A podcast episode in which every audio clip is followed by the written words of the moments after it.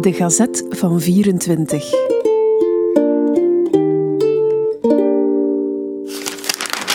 ...3 maart 1924. Wij melden dat prinses Louisa van België... te Wiesbaden is overleden aan een dubbele longontsteking.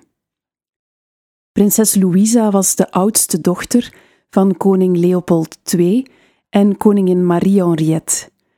Zij was geboren te Brussel op 18 februari 1858 en was in 1875 gehuwd met Philips van Saxen-Coburg-Gotha, van wien zij zich liet scheiden op 15 januari 1906, dag waarop zij ook haar vroegere titel Prinses van België terugnam. Haar leven was een echte roman. In een boek na de wapenstilstand verschenen, onder de titel Tragische herinneringen, heeft de ongelukkige prinses haar lot beschreven. Haar jeugd was niet plezierig. De koning, zo schrijft zij, hield zich met ons niet bezig. Zijn liefkozingen waren zeldzaam en kort. Hij was veel meer koning dan vader. Maar van haar moeder luidt het: wat had haar lichamelijke volmaaktheid weinig belang in vergelijking met haar zedelijke deugden. Zij trouwde op 17-jarige leeftijd met een prins die 14 jaar ouder was dan zij. Er wordt verteld dat haar man een brutaal karakter had.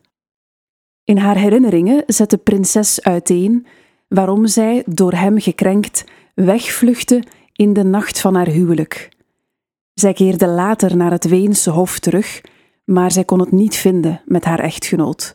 Het was een leven als in een hel. Een jong Oostenrijks officier, Matacic Keglevich, die ook pas voor enkele maanden is overleden, nam het voor haar op. Hij wou de prinses verlossen, die door haar man werd opgesloten gehouden. De prins en de officier hadden een tweegevecht en de prinses vluchtte met Matacic Keglevich naar Wenen maar Philips liet haar achterhalen en opsluiten in het sanatorium te Purkersdorf en daarna in een zinneloze gesticht te Koswitz. Beschuldigd van schriftvervalsing werd Matacic Keklevich in een vesting opgesloten. Toen hij in 1902 weer vrijkwam, vatte hij het plan op de prinses te schaken. Hij slaagde hierin in december 1904. De prinses kon Parijs bereiken. Hier vond zij wettelijke verdedigers en dokters die verklaarden dat haar geestelijke vermogens volkomen in orde waren.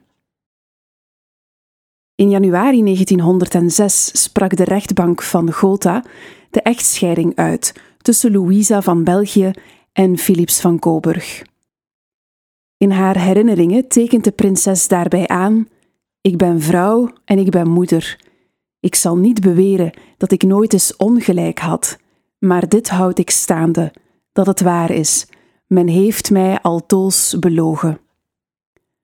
Met de scheiding was echter haar lijden nog niet uit. Ze heeft ook de ellende gekend van een ophefmakend proces in de zaak van een erfenis. Later kwamen nieuwe processen, schulden, lasten van allen aard. Zij zocht tevergeefs naar vrede. Niet alleen het noodlot, maar ook de grilligheid van een door veel lijden misvormd karakter was daar de oorzaak van.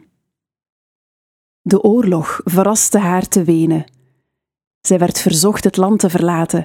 Zij geraakte niet verder dan München, waar zij een armoedig bestaan had.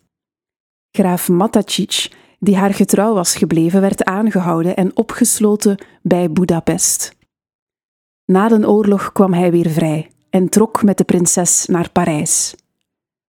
In de jongste tijd trachtte de Belgische regering, het koninklijk gezin, het Belgische en het Duitse gerecht de prinses en haar schuldeisers tot een akkoord te brengen, wat moeilijk ging ten gevolge van de Duitse valuta. Na het overlijden van Matacic verliet de prinses Parijs en trok naar Wiesbaden, ingesloten in haar rouw. Misschien zou ze eindelijk op 67-jarige leeftijd dankzij haar kloek gestel vrede en kalmte vinden. maar een onverbiddelijke longontsteking heeft plotseling een einde gesteld aan het avontuurlijk leven van Louisa Maria Amalia, prinses van België, die eens prinses van Saxen-Coburg-Gotha was en gestorven is in een eenvoudige hotelkamer.